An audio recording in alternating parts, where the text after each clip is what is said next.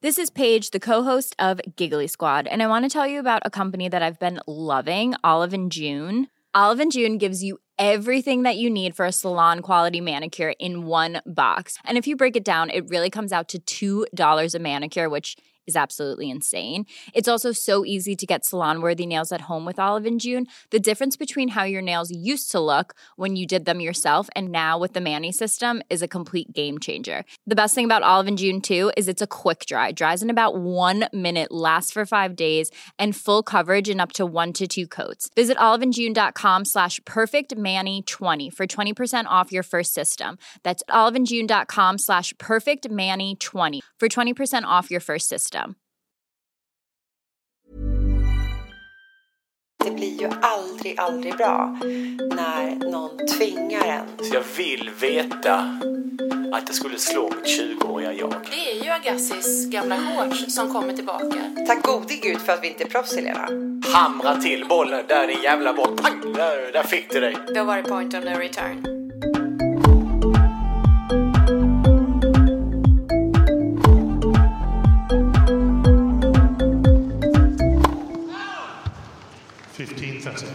Du lyssnar på Tennisvänner, podden som servar tennisglädje och görs av och för hobbyspelare. 15 love. Please take your seats quickly, ladies and gentlemen. Thank you. Hej Lena! Uh, tjena. Stämmer det att, vad var det du sa? Eh, du är full och jag sitter i bilen, eller vad? nej, nej, jag sa du, jag är full och du är trött. ja, just det. det är så bra. Jag är verkligen det. Jag, alltså, jag vet inte hur många GTs och mojitos jag har fått i mig här nu. Eh, eftersom Nej. jag var tvungen att ha någonting att göra medan jag visste att du eh, intervjuade Henrik Jonsson. Eh, och jag, eh, ja, men jag hade ju inget annat att göra än, än att egentligen bara utnyttja mitt eh, eh Bamseband här runt handleden, mitt all inclusive. Ja. jag tycker att det var jädra vad du tog tid på dig. Vad har du gjort ja. egentligen? Jag har varit på Salk. Ja. Det var ju så här, Salk hörde av sig till oss. De har ju faktiskt ett roligt projekt där de förenar kultur med eh, idrotten, med sporten mm. i sina fina lokaler där. Mm. Och eh, då hade de bjudit dit Henrik eh, Jonsson som har översatt Agassis bok Öppen, som heter mm. Open då på engelska. Och han ska komma och prata om den. Och i samband med det frågar om vi ville göra en intervju. Och det ville vi ju. Och det här Såklart. var ju när du ja, skulle vara borta på Mallis. Ja. Hur jag gjorde då när du var borta. Eh, för att vi skulle ju då åka ut till Salk efter jobbet och då kände jag när det började närma sig att blev faktiskt lite nervös. Det kändes lite så här, vi gör ju den här podden för att det ska vara det är kul och eh, bara lustfyllt. Och du och jag ihop. Jag skulle känna mig lite ensam där utan Men dig. det förstår jag verkligen. Och ställa frågor och dessutom Henrik Jonsson som är liksom ett fullblodsproffs på han har poddar och han producerar P Sommar i P1 och så jag, nej, jag sagt och gjort tog med mig en tennisvän. Ja. Jag messade till Sofia Bruto som är med i förra avsnittet som är så glad och härlig och och, och positiv och säger liksom, aldrig nej. Eh, ja, jag tuggar i sig tennis som livets energi, eh, elixir. Så mm. frågade om hon ville hänga med och det ville hon. Bra och gjort. sen mm. fråga nummer två. Eh, jag gjorde en tvåstegsraket helt enkelt. Men vill du vara min sidekick? Och det ville hon också. Så vi ploppade in i poddbilen och åkte ut till Salk ja. för Henrik Jonsson som pratade om sin resa, hur man har översatt boken, sin driv, egen drivkraft, det han har initierat att vilja göra det. Han älskar boken, han älskar Gassi och hur han har liksom brottat ner den här boken och översatt den med en enorm passion. Och mm. är man det minsta lilla tennisnördig. Mm. Han var fantastiskt inspirerande att lyssna på. Ja. Träffade honom lite fiket innan. Så vi småsnackade lite vi för vi var lite tidiga. Mm. Eh, och då passade jag på att fråga lite så här hur det var om man spelar tennis och så. Men då visade det sig att han gör det, han älskar ju tennis. Han älskar tennis, han är precis som du och jag. så där, där ja. hade vi varandra. Ja. Vi kan ju helt enkelt bara koppla över till Henrik Jonsson i Björn Borg-rummet på Salk. Vi sitter i Björn Borg-rummet på Salk. Mm. För du har varit här eh, och berättat om Agassi. Berätta nu, vem är du? Jag heter Henrik Jonsson och jag älskar Björn Borg, så att vara i Björn Borg-rummet är för mig eh, aningen kyrkomässigt. Det är härligt. Jag arbetar sedan många år med att göra radio och tv. Jag producerar, jag har varit programledare och jag skriver manus. Och nu har jag översatt Andrew Agassis bok Open, som den heter på engelska, och Öppen, som den heter på svenska. Spelar du Salk? Jag spelar i Salk eh, så ofta jag kan. Senast idag, då sagt för inspelningsdagen, så har jag spelat någon gång innan. Men det är väldigt häftigt att vara här för att när man kommer hit så kommer man in liksom i en tennisvärld. Här spelar människor tennis och rör sig och människor kommer in lite mer från gatan. Jag har varit en hel del på Kungliga tennishallen och spelat.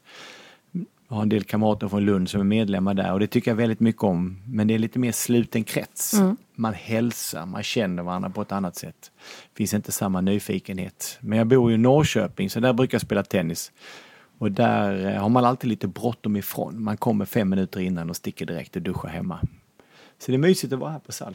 Eh, och jag är oerhört imponerad av att det går att ta någonting som att hobbyidrotta så här långt så att man är beredd att komma hit en kväll och ta ett glas vin och prata böcker. Jag bara undrar hur länge du har spelat och hur mycket du spelar.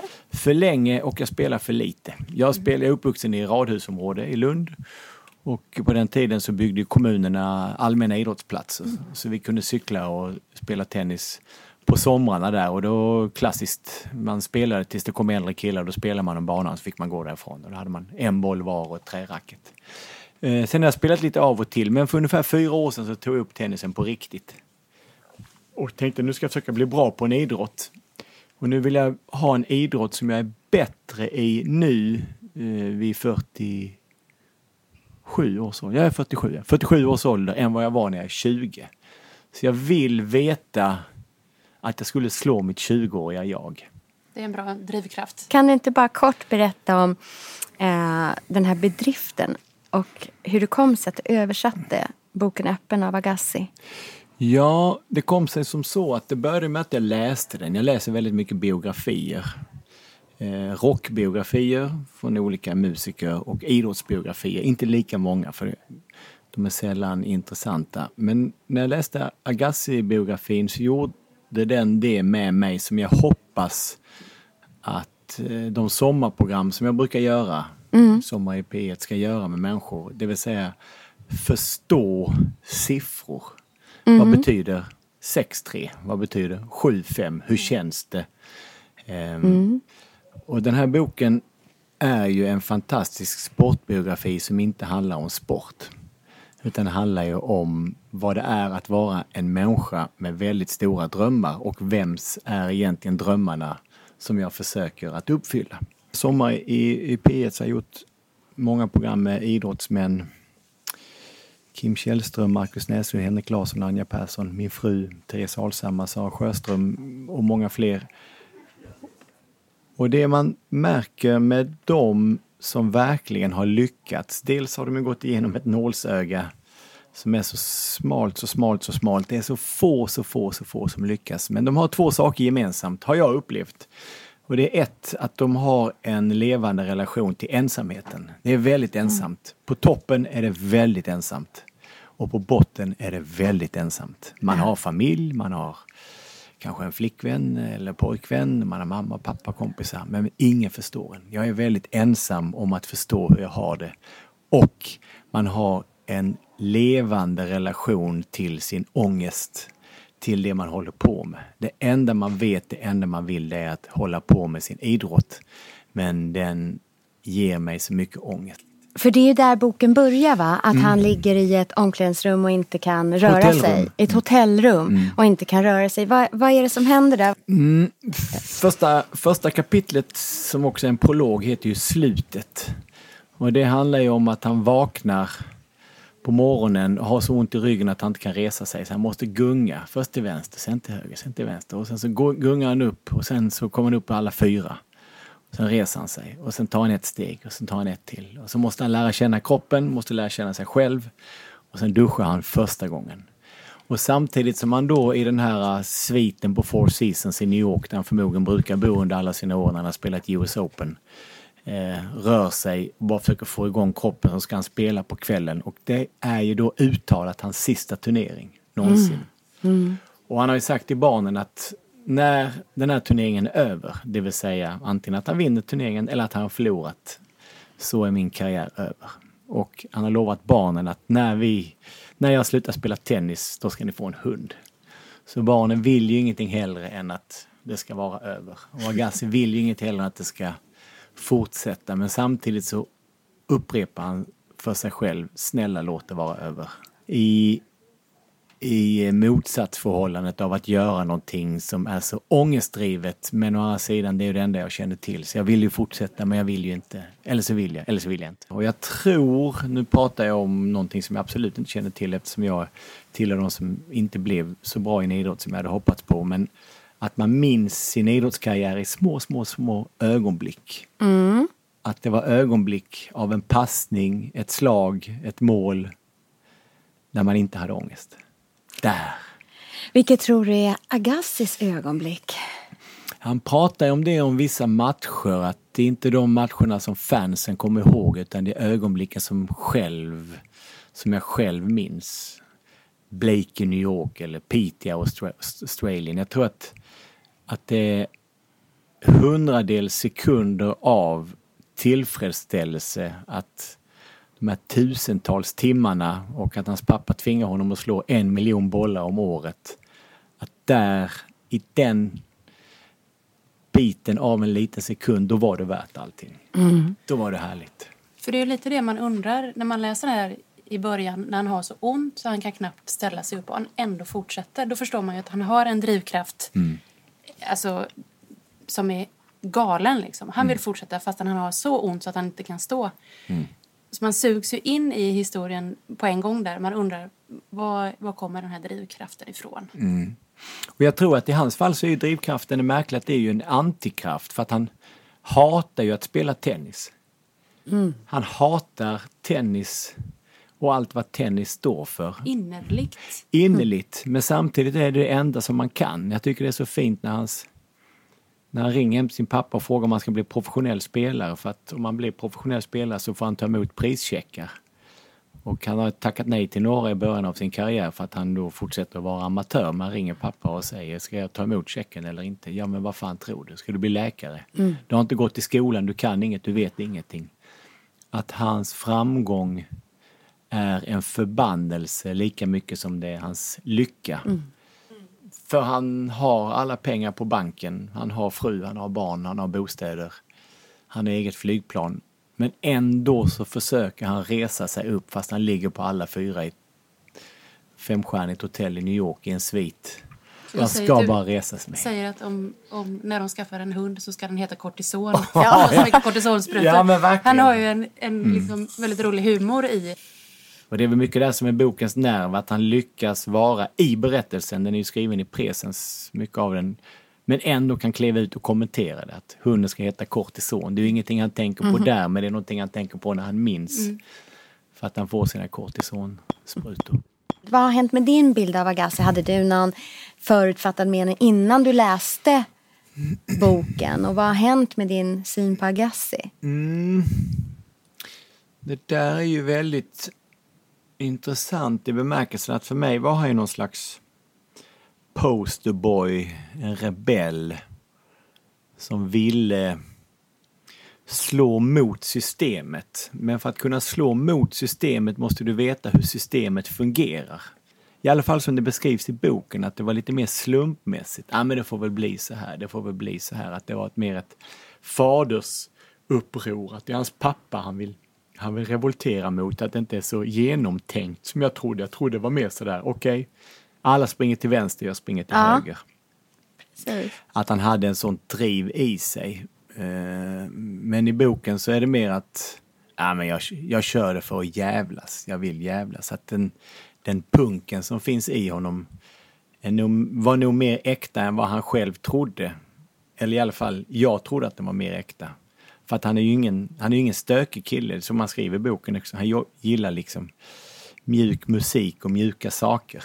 Han är ju ingen Nej. tuffing på det sättet. Men det står väl någonstans att han beskriver det som att det är en vanlig tonårsrevolt. Det är bara att han har en mycket större arena. Ja. Han har sina frisyrer och sina kläder i en värld som är väldigt strikt. Nu upplever jag också att jag känner honom, att vi är väldigt bra kompisar fast jag aldrig har träffat honom. Och, men jag har mejlat honom, Eh, men inte fått svar. Men att, att han ibland gör sig själv lite onödigt till offer. Att han måste förstå att vissa handlingar får konsekvenser. Gör du så så kommer människor säga så. Att han flera gånger i boken säger att varför var det ingen som sa eller varför var det ingen som nämnde eller varför var det ingen som... Att min fråga är varför förstod du inte? Varför tog du inte hjälp? Varför bad du inte om någon? Finns det någon eh, tennisspelare idag som påminner om Agassi? Finns den här rebellen idag? Vem skulle det vara där på toppen? Ja du, jag kan inte hitta... Som glider ut i jeansshorts liksom. Nej, de som blir det nu, de blir ju så mycket posörer på något sätt. På något sätt. Och tennis, tennis, eh, elit, herrtennisen nu är ju så extremt dominant av, av tre äldre herrar. Nadal, Federer och Djokovic, det är ju de tre och sen är det resten. Eh, det var ju synd, Andy Murray som i och för sig är på väg tillbaka. Man har ju lite det i sig i det att han är en, en, en han är en annan sorts rebell än vad Agassi var. Agassi var ju en rebell som ville prompt bryta mot regler medan Andy Murray är ju en, en spelare som inte vill finna sig i vissa saker. Han är en gentleman men har ju ett enormt humör. Men Serena är väl kanske annars den som är liksom genom klädstil och sätt att uppföra sig på. Är Exakt. väl kanske den som är...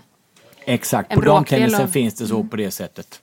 Där är Serena Williams en som har gjort... Hon är rebell i bemärkelsen att hon själv vågar ställa sig emot allt det vi nu känner till.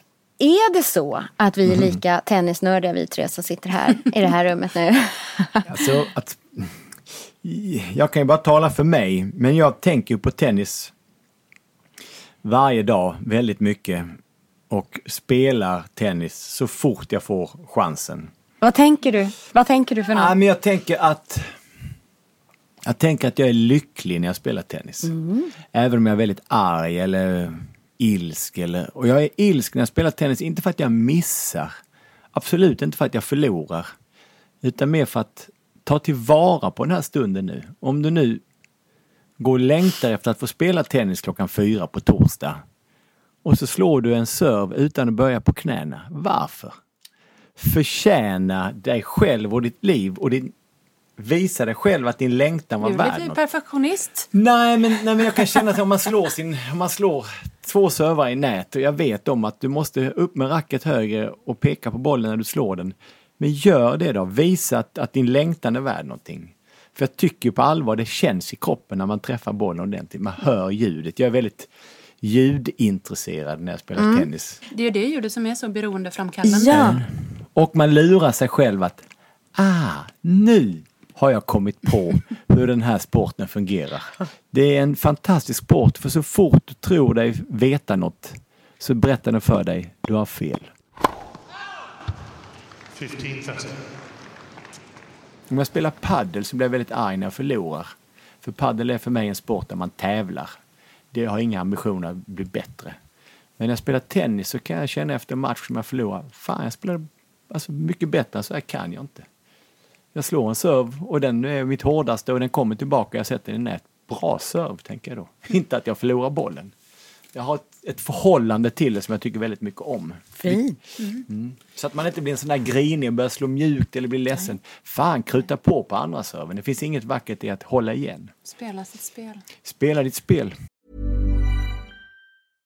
Hiring for your small business? If you're not looking for professionals on LinkedIn, you're looking in the wrong place. That's like looking for your car keys in a fish tank.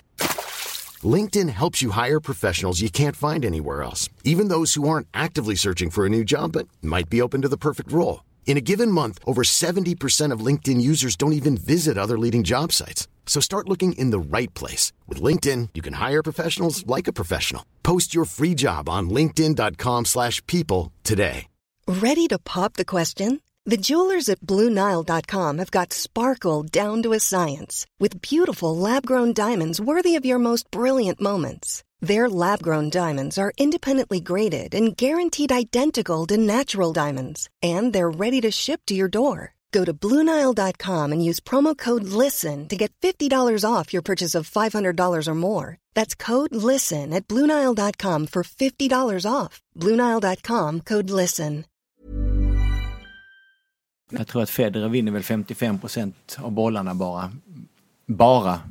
För att det varit den bästa tennisspelaren genom alla tiderna. Men det räcker. Han vet vad som krävs för att han ska vinna en match. Tillräckligt för att den han möter ska tro Idag har jag nog en chans. Idag kanske, om jag bara gör så, oj vad nära jag är. Medan Federer känner, det här är ju inga problem. Nej. Du är så långt ifrån mig så att om jag skulle vända mig om så ser jag dig inte ens en gång. Nej. You have my attention if you beat me at Wimbledon. Apropå Beat Me, du läste ju en eh, sekvens i Ja. boken. Hur han beskriver att man står inte nära sin Mm. motståndare utan de är långt bort från varandra. Man pratar aldrig. Man, eh, så om vi, om vi sätter dig där nu då på ena sidan Mm. eh, och på andra nätet där står Agassi. Mm. Vad, vad händer med dig inne i dig då? Du menar om vi, om, om vi på riktigt Skulle mötas. skulle mötas just nu ja? Mm. Ja, det... Jag tror ju att jag skulle vilja få honom att tycka om mig på ett sånt där barnsligt sätt. Eller mänskligt sätt Ja. i det av samma anledning som vi ler när vi träffar nya människor. Vi ler så mycket för att vi vill att de ska tycka om oss så vi hör inte vad de säger, vad de heter. Ta i lite för mycket så att när vi bollar så skulle jag liksom trycka på lite mycket så när vi står där framme vid servrutan och ska bolla över skulle jag förmodligen dra dem på i knähöjd på honom om de inte skulle sitta i planket bakom. Men det skulle vara fruktansvärt roligt att få slå ett par bollar när jag verkligen får svinga ut ordentligt. Det finns ju en, en, en scen i boken när Agassi och, och Graf spelar med varandra som är så erotiskt laddad att det liksom dryper om den när han beskriver hur man lär känna en människa genom att känna deras träff på Mm. bollen. Att han skulle kunna känna igen hennes slag utan att se att det är hon som slår det. När jag översatte det så ville jag bara hitta ord som skulle kunna gå att applicera på någon form av erotisk laddad situation. Man måste hitta de rätta orden liksom hur de hur de träffar bollen och liksom hur de tar, tar sig fram och möter varandra. De lär känna varandra i att spela tennis. Och jag tror att om jag skulle hamna på andra sidan nätet som Agassi så skulle jag också försöka få honom att lära känna mig. Men jag skulle nog känna sådär, fan, fan alltså jag är bättre än den här backenden. Jag, jag har helt andra kvaliteter. Men det skulle vara fruktansvärt roligt att få spela. Det skulle vara väldigt kul att få känna på en serve. Han har ju funnits väldigt länge i mitt liv. Ja, jo, men man förstår ju att du blir väldigt, eh, att du verkligen känner att du känner honom. Mm. Och jag tyckte det var väldigt fint här på det här författarsamtalet, eller översättarsamtalet som vi hade innan. Mm. Att du liksom försvarade honom när en i publiken eh, berättar någonting om att han hade varit otrevlig på något Ja. eh, tillfälle när han hade blivit störd i, han skulle samla sig för ett tal Ja. eh, och blev avbruten. Och då gick du liksom in och försvarade Agassi. Jag tyckte det var liksom så fint av dig att man förstod hur mycket du tycker om den här personen. Ja, vad fint när du säger det så, för det tänkte jag inte på. Men det var ju verkligen... Men nästan som man försvarar en, ett syskon. Ja. Saknar du Agassi nu när, Jo. när arbetet med boken är klar? Ja, det gör jag. Jag saknar honom eh, i bemärkelsen att jag tänker på honom. Att under arbetet med boken så kunde jag också tänka så att vad gör, vad gör han nu? Vad gör du nu? Och det blev mer sådana här vardagliga saker. Äter du frukost? Kör du bil? Vad har du för bil nu för tiden? Vad har du? Har du eh, liksom sådana här stora amerikanska vita t-shirtar och sådana här amerikanska fula jeans som gör att att män får jättestora rumpor som man drar åt med tunna skärp liksom för högt upp. Som hans tränare Jill hade. Jag var tvungen att bildgoogla Ja, honom. exakt. Han är alltså... det måste alla göra. Bild-googla Jill Rice. Han ser underbar ut. Ja, men han har exakt, Ja. med nedstoppad t-shirt. Ja. Ja. Ja. Svart Så eller vit. Nu måste du säga vem Jill är, till de som inte vet det. Jill är ju då Agassis fystränare från början men sen så blev det ju hans fadersfigur och eh, livsmentor, healer kan man nästan säga. Det är den som han lägger hela sitt liv hos. Med honom som både livvakt och, och eh, dietist, även om de äter väldigt mycket skräpmat. Men det man pratar ju om gillvattnet Mm, just det. som vi särskriver. Vi tänkte först skrivit ihop men Jill Water. Men den relationen är ju så fantastiskt fin. När jag hade köpt boken så satt jag och läste på ett café. Och så läser jag just det här kapitlet där han har träffat Jill. Eh, och spenderar jättemycket tid med honom. Eh, och så är det julafton. Han är hos Jill och Jills familj och firar jul. Eh, och Jill tänker så här, men André du är 19 år. Vill inte du vara ute med dina vänner? Så här, Nej, jag vill inte vara någon annanstans än här. Och det var så himla fint så Mm. jag bara började gråta så här. Oh, blev helt snyftig. Och så Aha. bredvid mig på kaféet så satt en äldre man. Så märker man att han tittar på mig så här. Och så frågar han så här, jag ser att du blev väldigt berörd. Jag måste fråga, vad, vad läser du för någonting?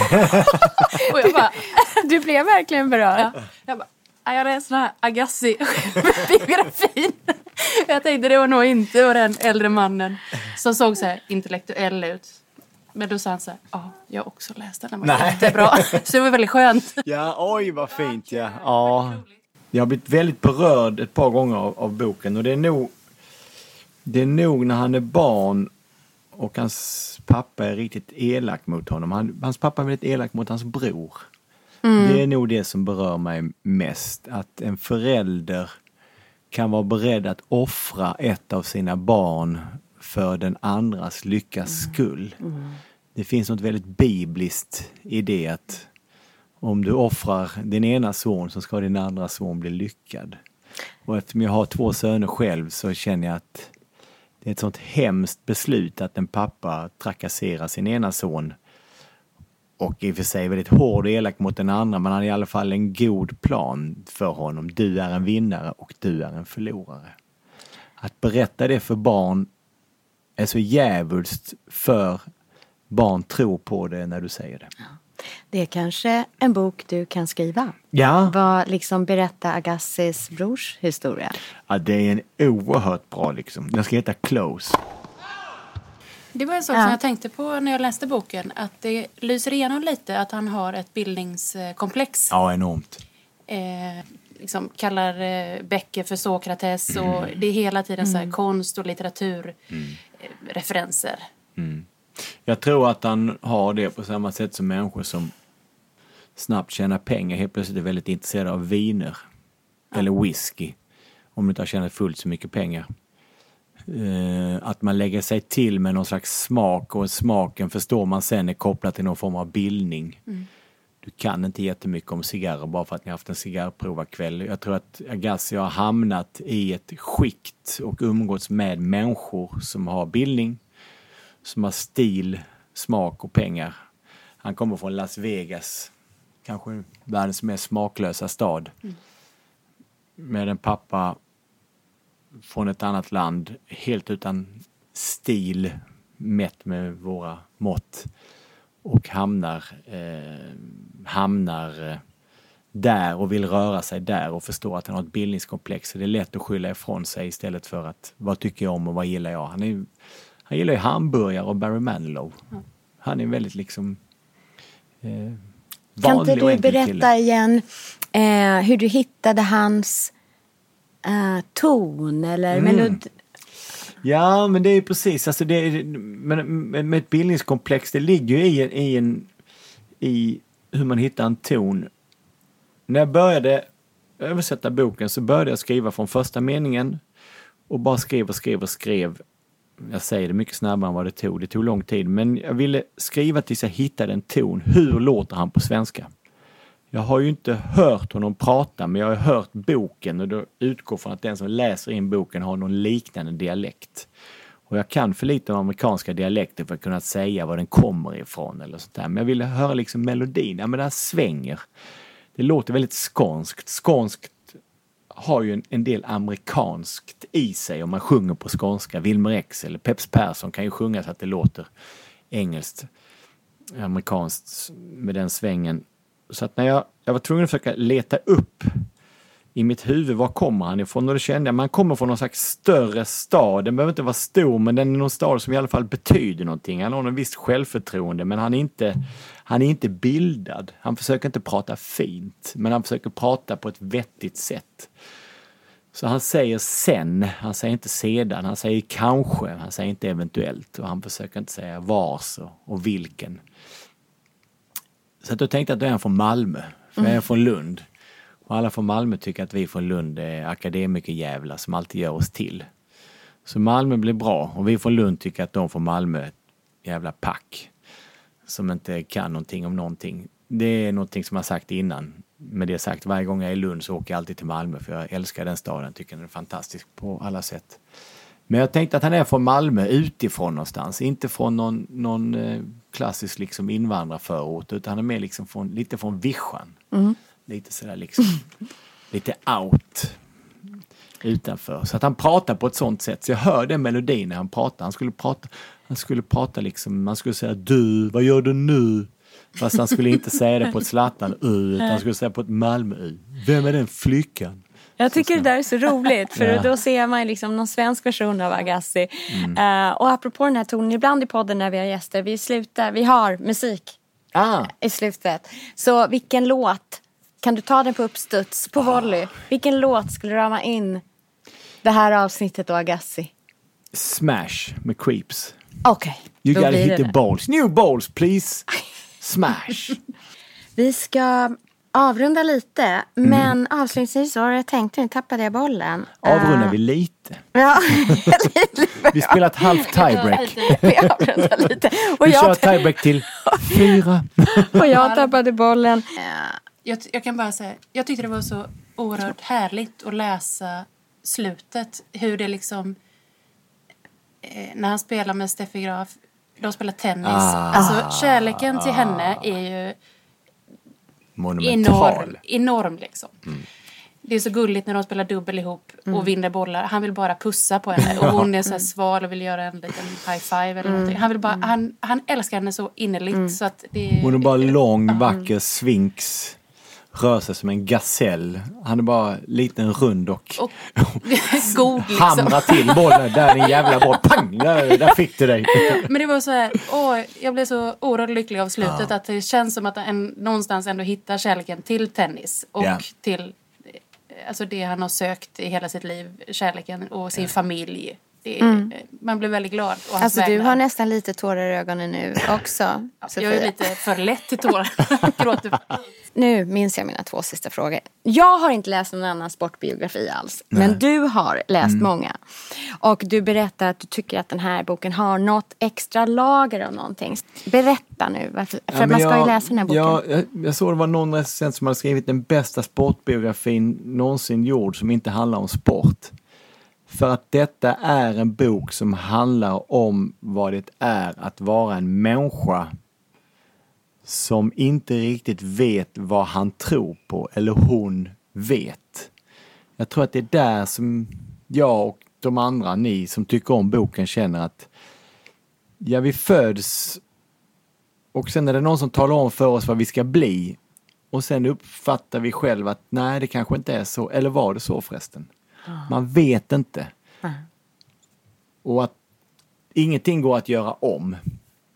Och ingenting går att eh, korrigera av det som har varit. Det enda du kan göra är att försöka ändra det som är nu. Och det är det som jag tror är hela liksom, nyckeln i den här boken. att en pojke föds för att uppfylla en pappas dröm. Pojken försöker att ta sig därifrån och springa så långt han kan. Och det enda han gör det är att springa åt exakt det hållet. Mm. På samma sätt som man säger att man föds och man ska komma så långt ifrån sina föräldrar som man bara kan. Och en dag så är man precis som sin mamma eller pappa. Alltså du vet att nu har vi två som sitter här och gråter. Du kan inte sitta och vara så här poetisk och Nej, men- perfekt. Jag ska sluta. Så därför växlar jag snabbt över till Gassi-grejen. Varför, varför händer det här nu? Eh, Boken skrevs ju på engelska för x antal år sedan men just nu så känns det som att det verkligen bubblar Agassi. Varför Mm. är det så mycket Agassi just nu? Och jag tror att den här boken är en bok som när man har läst den så vill man prata om den. Mm. Det är därför jag märker det. Jag bara pratar och pratar och Mm. pratar. När det är frågor så bara pratar jag. Och innan vi suttit här i Björn Borg-rummet på Salkallen och, och pratat om boken. Och vi hade förberett massa frågor, men jag bara pratar. Jag kan inte Mm. sluta. Nej, men det är Men det kanske också är någonting med hans eh, stil, att 90-talsstilen är på väg tillbaka. Det är liksom, modet är, Ja. det är helt rätt. Ja, är möjligt. Nikes eh, senaste kollektion har ju eh, en tenniskjol i stentvättade, om man säger, eh, jeans. Wow! Det är ju Agassis gamla Mm. shorts som kommer tillbaka. Och, han, och mycket färger och så. Så det kan ju vara att Det- det, bara är... Det kollektiva undermedvetandet. Det är ju fantastiskt i boken när McEnroe och Agassi går upp till Nike och får välja kläder. Mm. När McEnroe får välja först eftersom han är den bästa spelaren och skrattar åt ett par jeansshorts. Och Agassi känner, de är mina. Du är ju ett poddproffs. Ja, eller nej. Nu har du något sånt där stalltips, ground rule. För att göra bra poddar. Ja. Ta in en grym sidekick. Se bara till så att du inte tänker på någon annan än dig själv och den som du gör det med. Det är som Agassi får lära sig i boken. Du behöver inte vara bäst. Du behöver inte vara perfekt. Det räcker med att slå den jävla idioten på andra sidan idag. Och imorgon så slår vi nästa. Tack för det fantastiska Henrik Jonsson. Tack så mycket.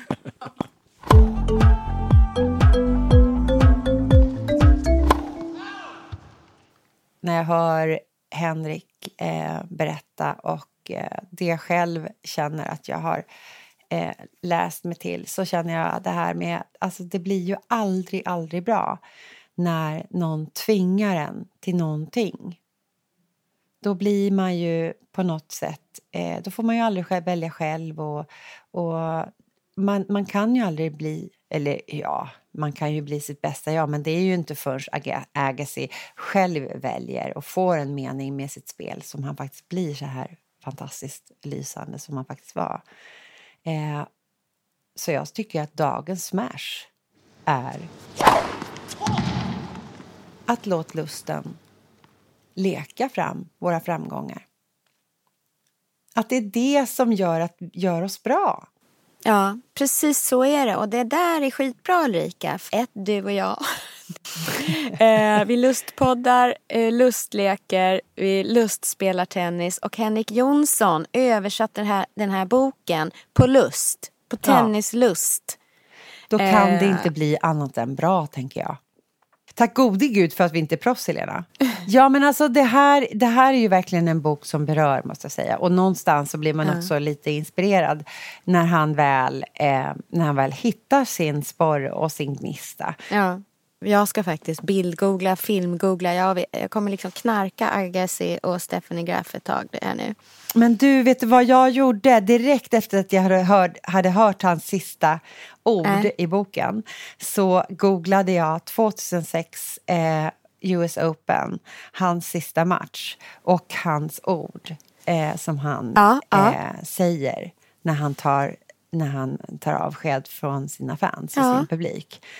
Eh, och det är så rörande, du vet. Alltså, det går inte att hålla tårarna borta. Det går inte, därför att hela stadion står upp och applåderar. Och de slutar inte applådera. Och till slut så säger Åh, de här som arrangerar bara, nej men alltså, nu måste vi pra- prata Mr Becker, måste få sin intervju och vi måste bara liksom Åh. gratulera vinnaren här. Och då får han göra det, men sen så, och han bara liksom säger några ord och sen får han gå ut. Och sen fortsätter stadion fortfarande att applådera Agassi tills han får tag i micken. Och du vet, han, hans röst och hans uttryck, han, han, alltså tårarna bara rinner på Agassi. Det är liksom, han, han är så otroligt känslomässig när han tackar sin publik för eh, och sitt team för liksom, hans karriär i princip. Det, det, det måste man bara... Och glöm inte, du hittar alla våra drygt 50 avsnitt där poddar finns. Sök Tennisvänner. Du kan också lyssna direkt från vår webb, tennisvänner.se. Där hittar du också Tenniskalendern. Gillar oss får du gärna ge oss ett omdöme eller tipsa dina egna tennisvänner. Och vill du komma oss närmare så finns vi på Instagram och Facebook. Men annars så är podden slut och jag längtar efter dig Ulrika så kom hem nu. You're a little bit past the time, like a ball tries to hit the ground. People say, hey now, you gotta make it. What you do is not catch up again. Uh, smash, you gotta hit the smash. Some believe the wheels are rolling. Big money, honey, people showing. On this game, show me his business. Too bad you don't know how to hit the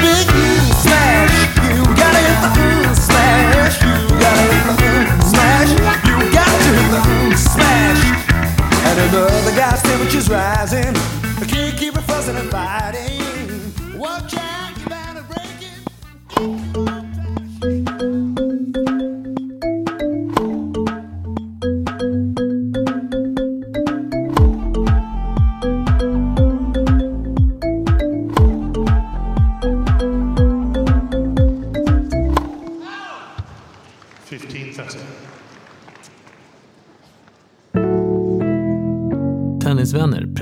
i samarbete med Dwarf Studio.